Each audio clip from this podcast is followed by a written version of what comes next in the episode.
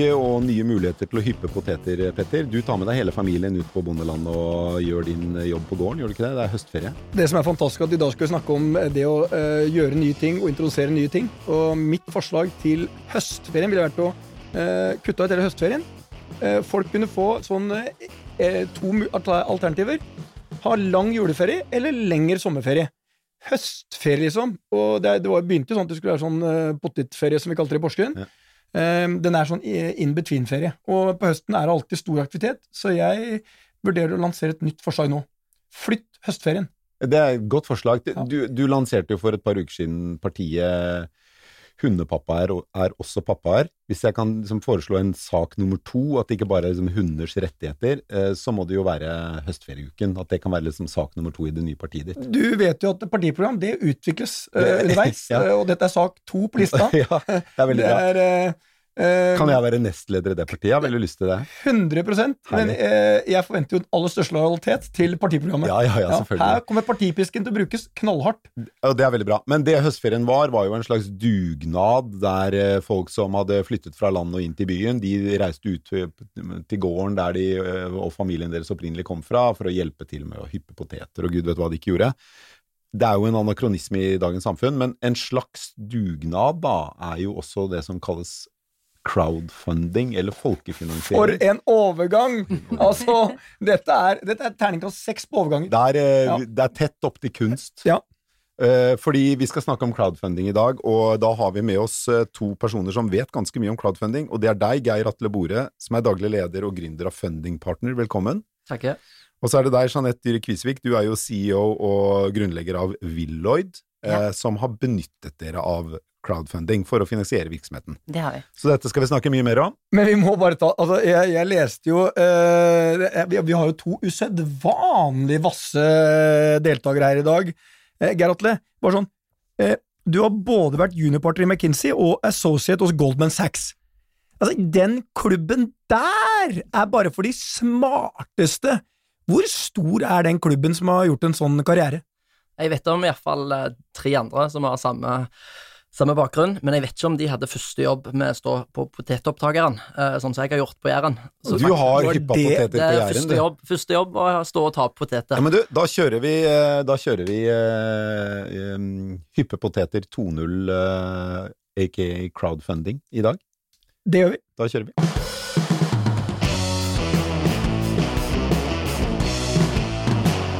Geir Atle, hva er egentlig crowdfunding? Crowdfunding, eh, hvis du tar det på øverste nivå, har du fire kategorier av crowdfunding. Du har donasjon, belønning, lån og egenkapital. Så de fire kategoriene. Hvis du da ser raskt hva er egentlig forskjellen mellom de fire typene, så har du da donasjon, hvor det er å gi penger hvor du ikke skal få noe igjen. Så for eksempel gi penger til eh, fotballaget, eller noen skal starte en bedrift hvor det er bare for å gjøre noe bra, de har ikke tenkt å tjene penger, så kan du kanskje gi Eh, og så har du belønning, hvor du kanskje lager en kul ting som du selger på billigsalg før han blir produsert, så du skal få noe igjen, da. I Norge er jo Remarkable kanskje det største eksempelet hvor de lager Remarkable, eh, de, den iPaden som du kanskje har sett. Ja, den, ja. Uh, som vant masse priser og solgte exactly, veldig bra. Hvor de da solgte den som en reward, hvor du kan få en kalle versjon når den ble lagd om ett eller to år, men du kjøper den nå på forhåndssalg. Det er en type belønningsbasert crowdfunding. Uh, og så har du da tredje kategori, som er egenkapital, hvor Jeanette uh, vil forklare senere hvordan hun på en måte har brukt det. Uh, og fundingpartneren, som du nevnte, står for den fjerde kategorien, som er lånebasert, hvor du da låner penger til bedriften og av vanlige folk, sånn som deg og meg, og så får du de tilbakebetalt etterpå. Og det er det, det er det, du gjør, at hvis jeg ønsker å kjøpe en hytte, så kan jeg legge inn det lånebehovet på fundingpartner, så vi låner ikke penger til privatpersoner, vi låner kun til bedrifter. Kun til bedrifter, ja. Så hvis du har et selskap som kjøper og selger hytter Så jeg vil starte Gol hytteservice AS, da. Yes. Som har som eneste service å leie ut den hytta til meg.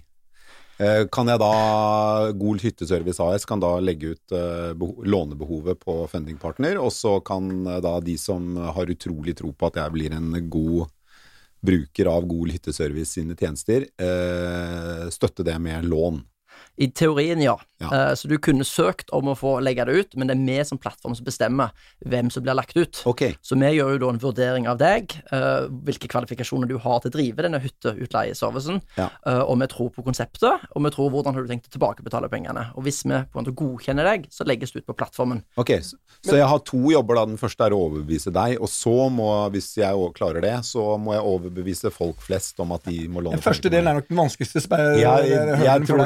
Det var det... Og det med, det nå, nå har ikke jeg kjent deg i mange år, men det lett kan jeg si at det er det mest krevende. Men Det, er, det, var, det var jo en dårlig idé, da. For å, ja, jeg, du kan si veldig det er, er, Du hadde ikke fått mange eh, som hadde investert i den hytteservicen. Nei, det var men det var den første jeg kom på. Ja. Jeg, jeg, Ja, men det, er ikke den dårligste jeg har ideen. flere. Men Nei, kanskje ikke. Men så, så ok, så dere driver kun med lån. Hvil, altså, hvem er det som typisk låner av dere, og hvem er det som låner til bedrifter? Så uh, hvis du ser på totalt nivå på crowdfunding, så står lån for ca. 60% av hele markedet. 20% egenkapital. Så har du 15% på donasjon og 5 på belønning, bare for Mm. tallene. Og hvem er din typiske låntaker? Vi har 6000 som er registrerte eh, långivere hos oss, og det kalles semiprofesjonelle investorer. Folk sånn som deg og meg, som kanskje har en, en bra jobb, hvor du tjener greit, og du skjønner at hvis du tar litt mer risiko, så kan du få, og litt bedre rente, så kan du få en grei avkastning. Og låntakerne, hva slags type bedrifter er det? Um, så det er ofte vekstselskap, så ikke startups, men vekstselskap som på en måte skal vokse videre. Um, og vi har eiendomsselskap, og vi har kall det oppkjøpscase. Så det er små og mellomstore bedrifter som av en eller annen grunn får stang ut hos Mm. banken, men likevel på en måte er bra case. Da. Så for å ta et konkret eksempel. Uh, Avantgarde Search, et headhunter-selskap, hvor de uh, har seks ansatte, har lyst til å ansette flere, men de tør liksom ikke ansette hvis ikke de hadde fått litt ekstra kapital. Så de lånte 1,2 millioner kroner gjennom oss. 100 investorer gikk inn. Hva var renta? Eh, 10-12? 8, 8 Ja, det er ikke så renteeffektiv. Og da, på grunn av det, så har de ansett tre nye uh, i Oslo og Stavanger, som er nå ekstra headhuntere, og så satser de videre. Så det er liksom Men Vi kommer tilbake til hvordan dette funker. Jeanette, du, har, eh, du er jo da de på egenkapitalsiden. Ja. Kun egenkapitalsiden. Ja, eh, vi eh, Altså, det er jo egenkapitalsiden av crowdfunding som er venture. Der hvor du Det, gir dette må du forklare. Altså, her falt jeg av. Egenkapitalsiden som er venture. Altså, det er her man får Vi gir jo bort aksjer. Vi gir deg ikke et lån og god rente, vi gir deg aksjer i selskapet vårt. De, de gir meg eierandeler. Ja. Ja. Og du får eierandel i selskapet vårt, og kan være med da på veien videre og se Og hvordan det utvikler seg. er dere med også på eiersiden? Ja. Eller er dere bare mellommann? Jeg og min eh, partner, eh, Jarle, vi eier 25 hver Av av alle, selskapet. alle, alle selskap... oh, ja, av, Av Willoy.no, Ja. som er en eh, nettbutikk for jenter eh, i Norge som har lansert det nå for i fjor. Og så vokser vi veldig, veldig raskt, og så er det utrolig kapitalintensivt. Så vi er nødt til, skal vi klare å vokse og fortsette den veksten som er dobling hvert år, så er vi nødt til å hente kapital. Og så er jo Norge er dere cash negative? Altså taper dere penger? Altså, ethvert selskap som er et ventureselskap, skal jo vokse for å trenge kapital for å Dette, vokse. per, bare for, dette er svaret. Svaret er egentlig ja. Ja, men, Nei, nei, men Storm her- Storm det, tjente jo penger fra første dag. Jo. ikke, nå, nå, nå snakker vi ikke om Storm, men det, dette er måten man snakker på når man skal selge inn en idé.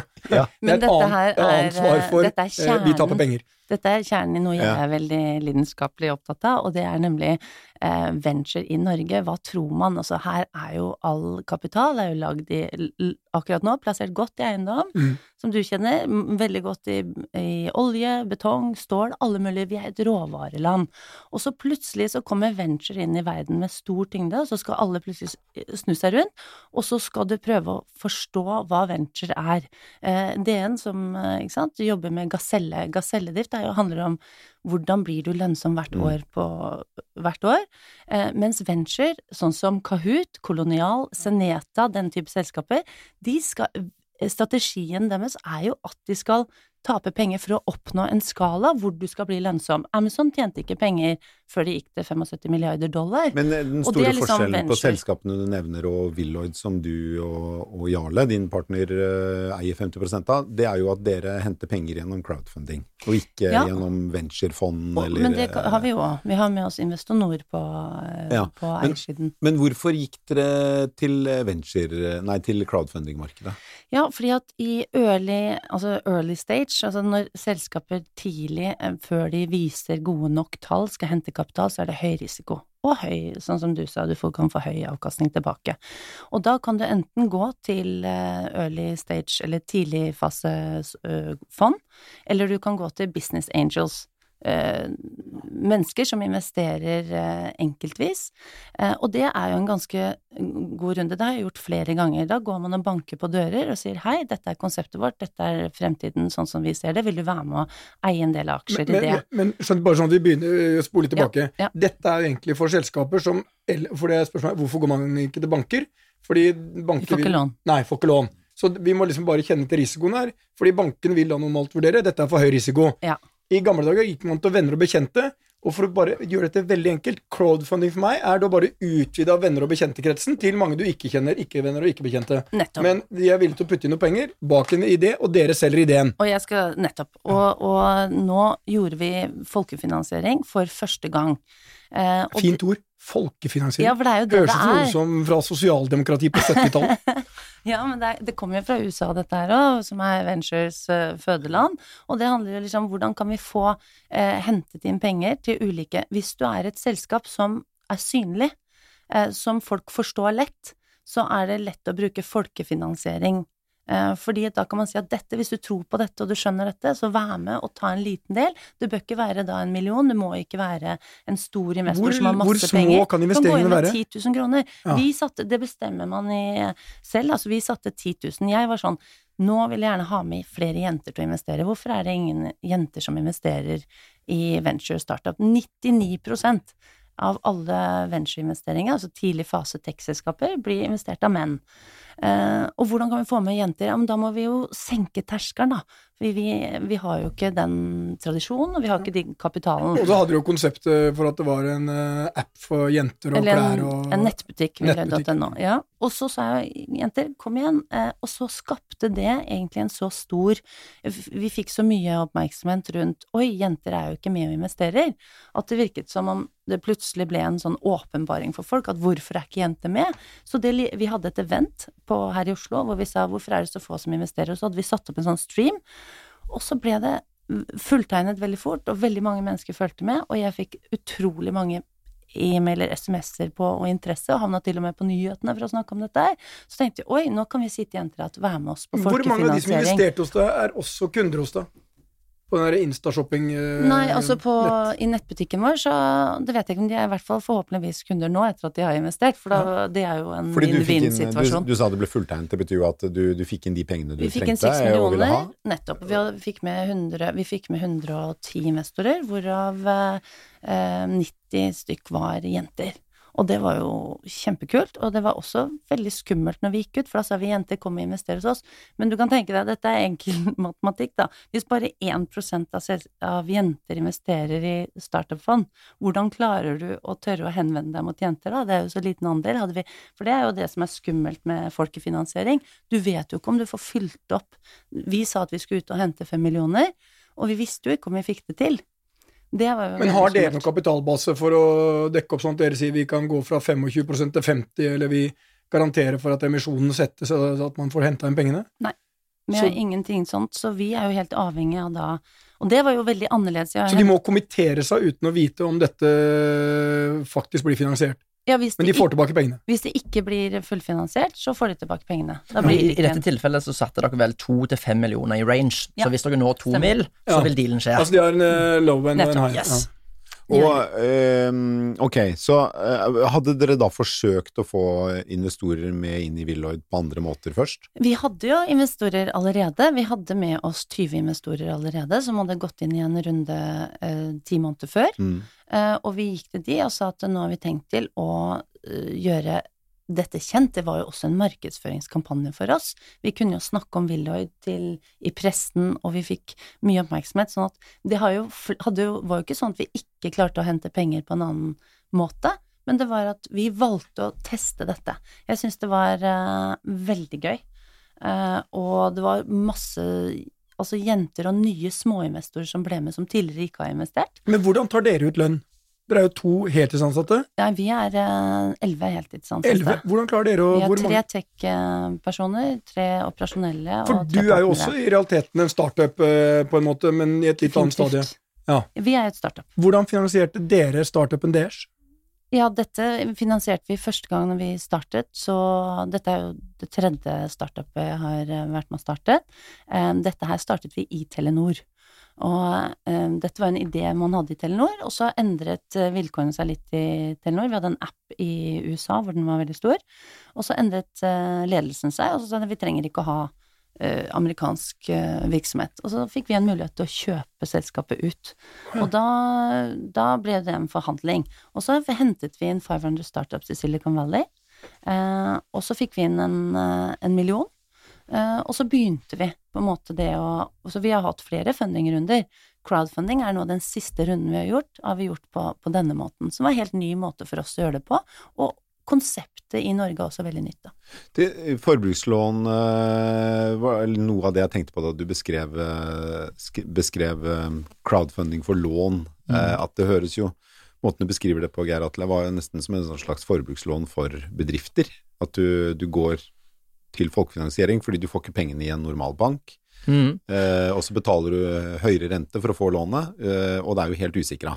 Det er ikke alltid helt usikre. Du kan komme med sikkerhet, du kan komme uten sikkerhet. Um, jeg ville ikke kalt det et forbrukslån, for da skal det brukes til forbruk. Her er det ofte investeringsbruk. Uh, så når vi vurderer et selskap om vi skal få lån, så ser vi på hvorfor skal du låne, hva har du tenkt å bruke de pengene på. Skal du kjøpe hytte på fjellet og så starte utleie, så vil ikke jeg kalle det et forbrukslån. Da er det jo på en måte både sikra.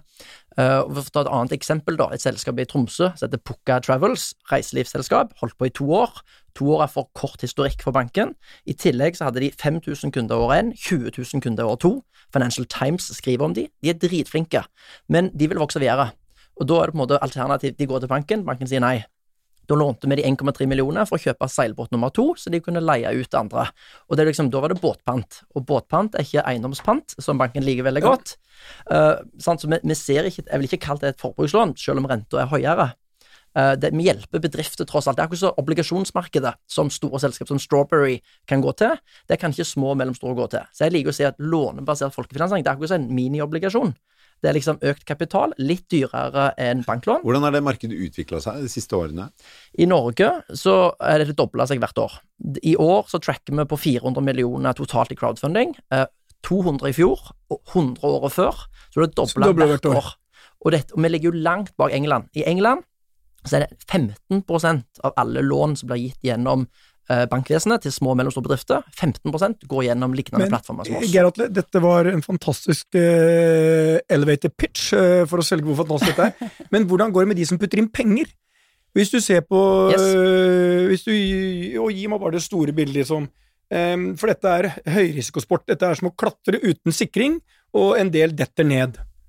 Så hvis du bruker England, da, for du har mer Nei, vi bruker Norge. Ok, så i Norge så har vi kun holdt på i ett år uh, når det gjelder lånefinansiering. Så vi har hatt null mislighold per i dag, men mange av våre lån er jo ett og to og tre og fire år, Ja. så de er jo ikke tilbakebetalt ennå. Noen har jo serielån og tilbakebetales Du vet omtrent åssen det ser ut. Ja, Du men- men- har jo vært hos McKinsey og Goldman, så er jo tall det er jo, Du våkner med tallene om morgenen. Ja, altså vi, vi leker med tall, og vi sjekker jo ut tall. Hvordan ser det ut? Ja, vi har jo null mislighold per i dag. Jo, jo, Eh, men hvordan ser ut? Avkastningen er ute etter for de som putter inn. Ja, da er det jo Renta er jo mellom 7 og 12 prosent eh, Ja. på alle lånene vi har gjort. Så står en vekta er kanskje 10 prosent, da. Ja. Og vi tar 1% i gebyr uh, av investorene. På toppen av det? Det mi- minus, da. Så du, Ja. bedrifter betaler 10% i snitt, minus 1 til oss. Da er du på 9 Og så ser du, da, er jo tapsprosenten det store spørsmålet. Men i England så har det vært 2% i tap de siste 6-7 åra i snitt. Så hvis du tar Det, minus, det, er, det er veldig lavt, bare sånn. Det er veldig lavt. Altså Ja. Med den avkastningen så er det og da har du 7% i avkastning etter tap. Ja, rent teknisk hvis du investerer uh, i, i alle og ja. Så nøkkelen ligger i akkurat det du sier, i alle. Du må få spredning. Så du kan ikke bare gå inn med alle pengene i ett case. Hvor mye omsett, hvor mye har dere henta inn? Vi henter inn 82 millioner uh, per i dag. Hvordan kan du leve av 820 000 kroner uh, i uh, fi? Så det er jo den fien vi tar av investorene. Så for at du skal få lov å investere gjennom oss, så tar vi 1 av deg. Men det vi tar, fikk jeg. Det var de 820 000. men vi tar òg 2-3% etableringsgebyr av bedriften. På samme måte som bedriften må betale Å, for gebyr til banken hvis de tar opp et lån der. Ja, men vanligvis ikke da 2-3% Nei, hvis du går til Arctic ABG og Pareto, så det, tar de det er typisk ikke banker. Nei, men nå snakker vi om type obligasjonslån. Så hvis du skal hente en obligasjonslån til Strawberry, så betaler du kanskje 5-8 eh, på type små lån, og de gir jo ikke lån under 200 millioner. Så det, det er egentlig den type produkt du bør sammenligne med. Ja. Så det er liksom da en fi der på 2-3 pluss 1, da har du 3 til 4 Det er den du kan gange da med Men når du tar 3, 3, 1 3,5 millioner. Det 1 den tar du da hvert år i lånets eh, løpetid. Yes. Sånn at du kan fort få 4-5% av eh, lånebehovet inn til fundingpartner hvis eh, låntakeren eh, Betaler, og det er et ballonglån, da. Men hvis det er et serielån, så betales hun ned gradvis, og da reduseres Ballonglån, det er bare for de som lurer på hva det er. Eh, Det er også kalt Eller bulletlån. Det, det er, og jeg liker uttrykket ballonglån, for det smeller etter tre eller fem år, og da smeller det. Da skal alt betales tilbake. Alle penga tilbake på Alle penga slutten av låneperioden. låneperioden. Men eh, det høres ut som, eh, hvis du får ordentlig volum i dette, så høres det ut som en, en svært lønnsom business for deg. Hvis du kan få 4-5-6% av lånebeløpet gjennom låneperioden. Eh, og det er ganske mye mer enn det bankene tjener på det, eller? Ja, absolutt. Ja. Eh, men du trenger volum, så du er inne på volum. Så hvis du blir 15% av lånemarkedet, sånn som i England, så blir jo dette kjempesvært. Ja. Men nå tror ikke jeg det blir 15% i Norge, fordi at bankene i Norge gjør en bedre jobb enn det bankene har gjort i England. RBS, Lloyds og disse. Så vi har jo tross alt en sparebank på hvert nes i Norge, og de har gjort en fantastisk bra jobb. Så behovet er ikke like stort her, men det er likevel Men. Jeanette, du er på egenkapitalsiden. Hvordan eh, finansierer dere dere, nær sagt? Elleve ansatte. eh, da har du en uh, burn rate på eh, 11 millioner i året, eller 10-11 millioner i året, med alt, kontor. Ja, vi har ikke så mye. Vi, eh, vi har eh, flere måter. Vi leier ut noen Hvis noen av våre tech-konsulenter har ledig kapasitet, så leier vi det ut. Vi, vi tjener jo noen penger ved virksomheten vår. Går det Så vi har en burn rate Nei, nei, vi har en burn rate på ca. 300 000 i måneden, så 4 millioner i året.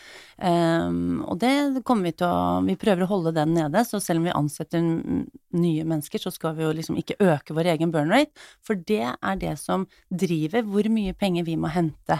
Så vi er jo mener vi skal jo hente penger. Nå vokser vi, nå omsetter vi for 20 millioner i år, 50 neste år, og, men vi kunne ha vokst dobbelt så fort som det hadde vi kunnet hentet mer kapital. Så det er vanskelig å hente kapital. Det er vanskelig å hente kapital, og det, det som uh, gründer uh, gjennom tre selskaper, så er det absolutt uh, det vanskeligste man gjør. Så, så må man jo finne ut da hvilket nivå, nivå er man på, hvor, når er det man skal oppnå lønnsomhet, skal man gå til Investonor, som vi gjorde, som er Norges største ventureselskap, men som egentlig bare funder større selskaper, så man havner litt når man har det små selskaper. selskap. Det er, et statlig, det er absolutt statlig, eh, og vi er veldig glad vi fikk med oss de, for da kan vi gå ut til andre, andre investorer og si at vi har med oss Norge i ryggen. Eh, ikke sant? Og så har jeg hentet penger også i USA og England og Sverige. Men du har jo snart brukt opp de pengene du fikk fra gjennom folkefinansiering i var det i april i år, så du er jo liksom Ja, tre så hadde vi fjerdedeler av de pengene er brukt opp, da, Så hadde, noen, så hadde vi noen penger før Ja. det, og så tjener vi penger ved virksomheten vår. Så hvis du tar bort kostnaden ved å bruke virksomheten vår, så har vi jo, tjener vi penger hver måned. Så vi, eh, når vi gikk ut i Ja, folkefinansieringen, ikke, så sa vi jo til jentene du kan jo ikke ta bort kostnaden ved å drive virksomheten. Men da sa vi til jentene at dette, og guttene, eh, for det var jo også menn med, eh, da sa vi at nå har vi, trenger vi hente For du, du har en verdi på selskapet ditt, så selskapet vårt hadde en verdi på 72 millioner kroner. 72? 72 millioner. Wow. Så henter vi da eh, 5 millioner kroner, som var meningen. Nå ble vi overtegnet, og det ble 6 millioner, og det var kjempegøy, så vi tok imot det. Men da må jo vi gi bort en del av vårt selskap. Eh, og da hadde ikke vi lyst Vi til ga å det til 8-10 ja, og da hadde ikke vi lyst til å hente mer penger da med den verdivurderingen, for så fort selskapet vokser, så øker jo verdivurderingen, og det er den jeg går ut og selger til investorer. Så du, må- men du, du må jo snart hente mer penger, du nå. Ja, så vi sa 12 til 18 måneder skal vi hente, hente penger, litt avhengig av hvor fort vi skal vokse. Nå har vi vokst, nå ligger vi foran forecastet vårt, og da kan vi gå tilbake til alle som var med oss i folkefinansieringen, alle de eksisterende investorene vi har, og si at nå vokser vi 28% raskere enn det vi har lagt opp til. Vil dere være med på en ny runde? så det blir en ny runde med folkefinansiering nå? Ja, vi vurderer det. Jeg tror jo, med den pågangen jeg har hatt av spesielt jenter etterpå, som har vært sånn 'Å, jeg tenkte jeg skulle være med, men jeg skjønte ikke helt, og nå har jeg skjønt litt mer, og kanskje du skal kjøre igjen', så tror jeg definitivt vi skal gå ut og si 'Jenter, ny mulighet'. Dere kan gå inn med 10 til 10 000 kroner og opp til en halv million. Eh, vær med på dette og lær, og bruk heller forbruket deres på å investere i aksjer. Eh, men, men helt klart på at dette er risiko, men også en høy belønning når det går bra. Men du tror de kan tjene penger på det? Tror du det er, Ja, altså, er det en god Jeg investering? hadde, jeg hadde jo ikke gjort dette her hvis ikke jeg trodde at uh, man kunne tjene penger på det. Jeg bruker jo all min tid for å få dette her til. Syns det er kjempegøy. Vi Hvor bygger i stor vekst, 25 Wow. eh, Og vi, vi Jeg jobber jo på vegne av alle sammen, så hvis ikke jeg Um, men det er klart at når du går ut ganske sånn offisielt og sier jenter kom og investere hos oss, og du får veldig mange førstegangsinvestorer som ikke er proffe, så føler du jo det ansvaret. Men som Har du noen gang tenkt på at du ville selge ut ditt, si at du aksjer for eh, 17-20 millioner, litt annet om det er før eller etter du har penger, du er i 25? Har du tenkt, kunne du tenkt deg å ha solgt halvparten av og tatt ut 10 millioner? Det hadde ikke vært ålreit. det hadde ikke sendt uh, riktige signaler til alle. Nå, nå er vi i ferd med å bygge opp noe her. Vi må ha med oss ekstern kapital. Så det er klart at man kan liksom være frista til å tenke oi, men det er jo papirpenger frem til du tjener penger. Men, og de, fordi eh, hvis jeg, hvis jeg kjøper Hydro-aksjer for eh, 50 000 kroner, så kan jeg jo på sekundet selge dem uh, gjennom Nordnett-appen min. Eller, Nettopp, og eller det er børsnoterte aksjer. Men det og kan det jeg jo ikke i Willoyd, ikke sant. Så hvis Nei. jeg investerer 50 000 i Villoid, Ja. så vet jeg jo ikke når jeg kan selge. Det vet du ikke.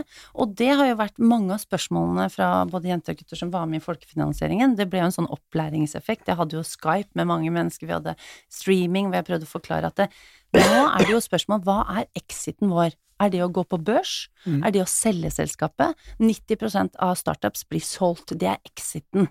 Eh, sånn at her kan man si at eh, når vi har kommet opp på et nivå, og vi får et bud på selskapet De to selskapene jeg har startet før dette, har jeg solgt.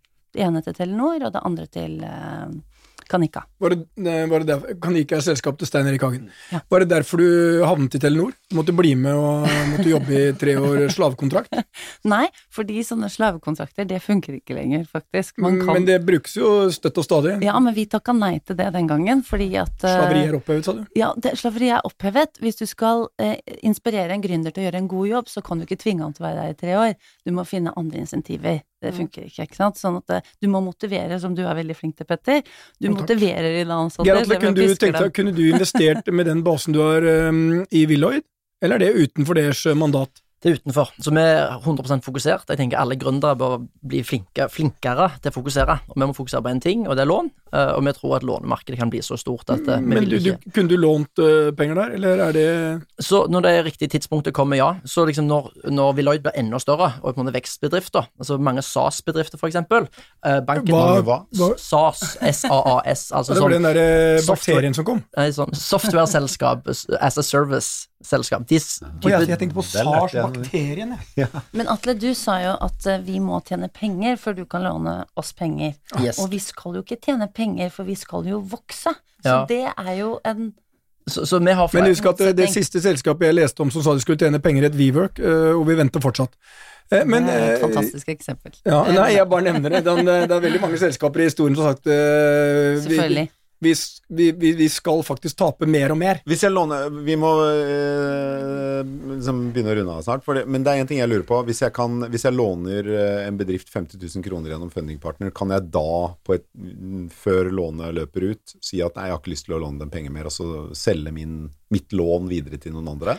Du kan det. Du kan si Petter, du, jeg trenger penger nå, kan ikke du kjøpe det pålydende på 50 000 til Det har sagt 40 du får 25. Exactly. Og, Da har Ja, du negativ avkastning på 50% Ja, og det har jeg jo ikke lyst til. nei, Så jeg kan ikke Så pengene mine er låst i fundingpartner det, og for er alle riktig. praktiske Men På samme måte som obligasjoner. De er låst. si Ja, men i obligasjonslån så kan jeg jo mm, Men jeg, selge jeg, når som men jeg skal bare rydde opp i det. Du får solgt det, spørsmålet er kursen du får solgt det på. Ja. er akkurat det. Og sånn er det kommer hos til oss meg og også. må ha penger, det er uansett om jeg er Willoid eller eh, AS Hubba Bubba, du kan alltid selge. Ja. Spørsmålet er prisen du får. Og poenget er jo da at det er jo, det er jo ikke noe likvid marked da, for verken crowdfunding-lån eller crowdfunding-finansiert egenkapital. Nei, og det er det som er forskjellen, for har du en børs Det er jo ikke alle børspapirer som er like likvide heller, ikke sant? Likvide. Uh, nei, jeg mener omsettelige. Uh, og, og det er litt sånn hos oss. Men det er klart, én ting er exit, en annen ting er børsnotering, som kan ta noen år, så det må alle være forberedt på.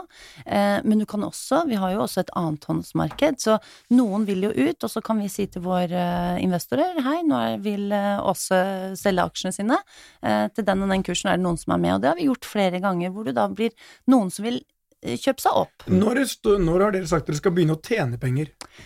Jeg sier bare at Amazon omsatte for 75 milliarder før de begynte Altså, det handler for oss om nå å investere tilbake i vekst. Men dere må jo på et eller annet tidspunkt så er- kommer det en investor og å Jo, men, men, men det handler jo om at uh, for oss så handler det om å kjøpe seg kunder inn, og det får du på Facebook, Google og Instagram i, i all hovedsak. Så pengene våre vi bruker til vekst, er jo markedsføring.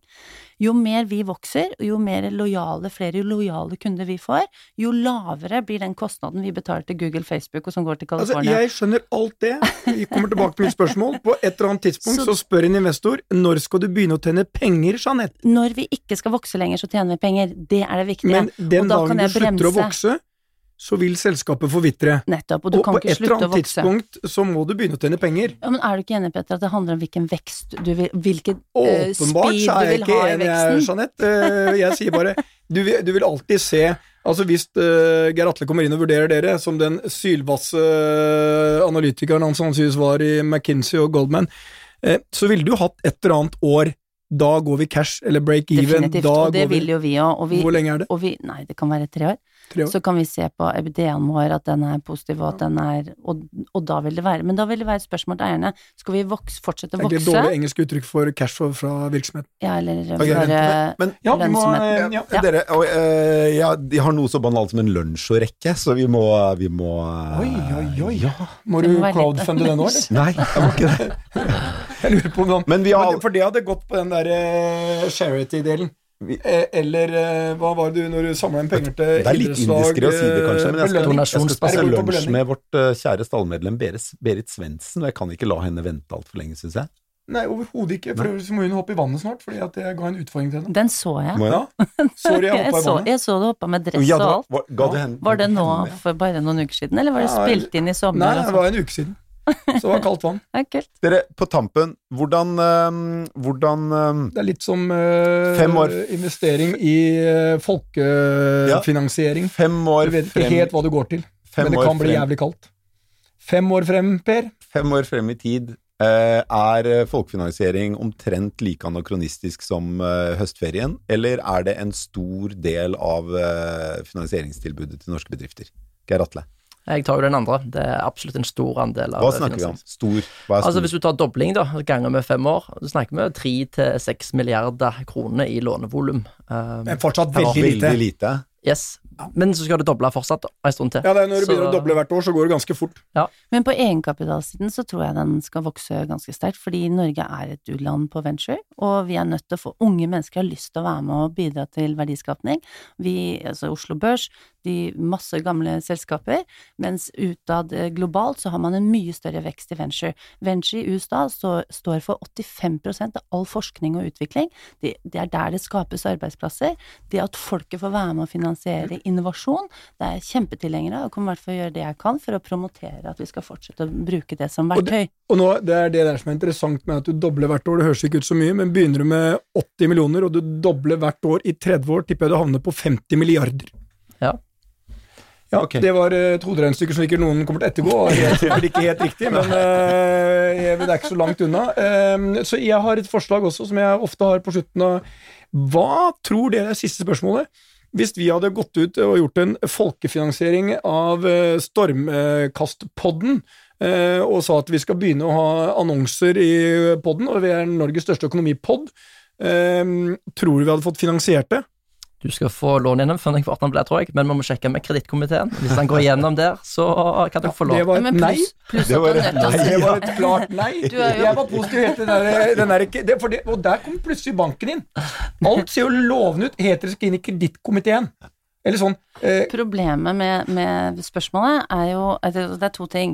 Hvor mye, hvordan ser businessplanen på Stormkast ut? Hvor mye penger kan dere tjene på Utrolig det? lovende. Og, og hvem kan kjøpe lovende. Stormkast? Er, er dere villige ja, til å er, selge vi, det? vi snakker om de største mediekonsernene i verden.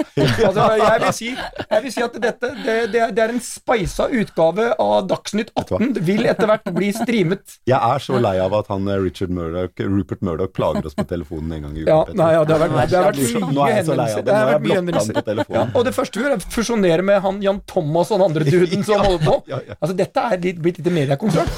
Dere, tusen takk skal dere ha. Eh, Jeanette Dyhre Kvisvik, vår første investor. Tusen takk, det er veldig hyggelig. Eh, Jeanette Dyhre Kvisvik, som har starta eh, Willoid. Og deg, Geir Atle Bore, som har starta Funding Partner. Takk skal dere ha, så snakkes vi igjen neste uke, Petter. Det gjør vi.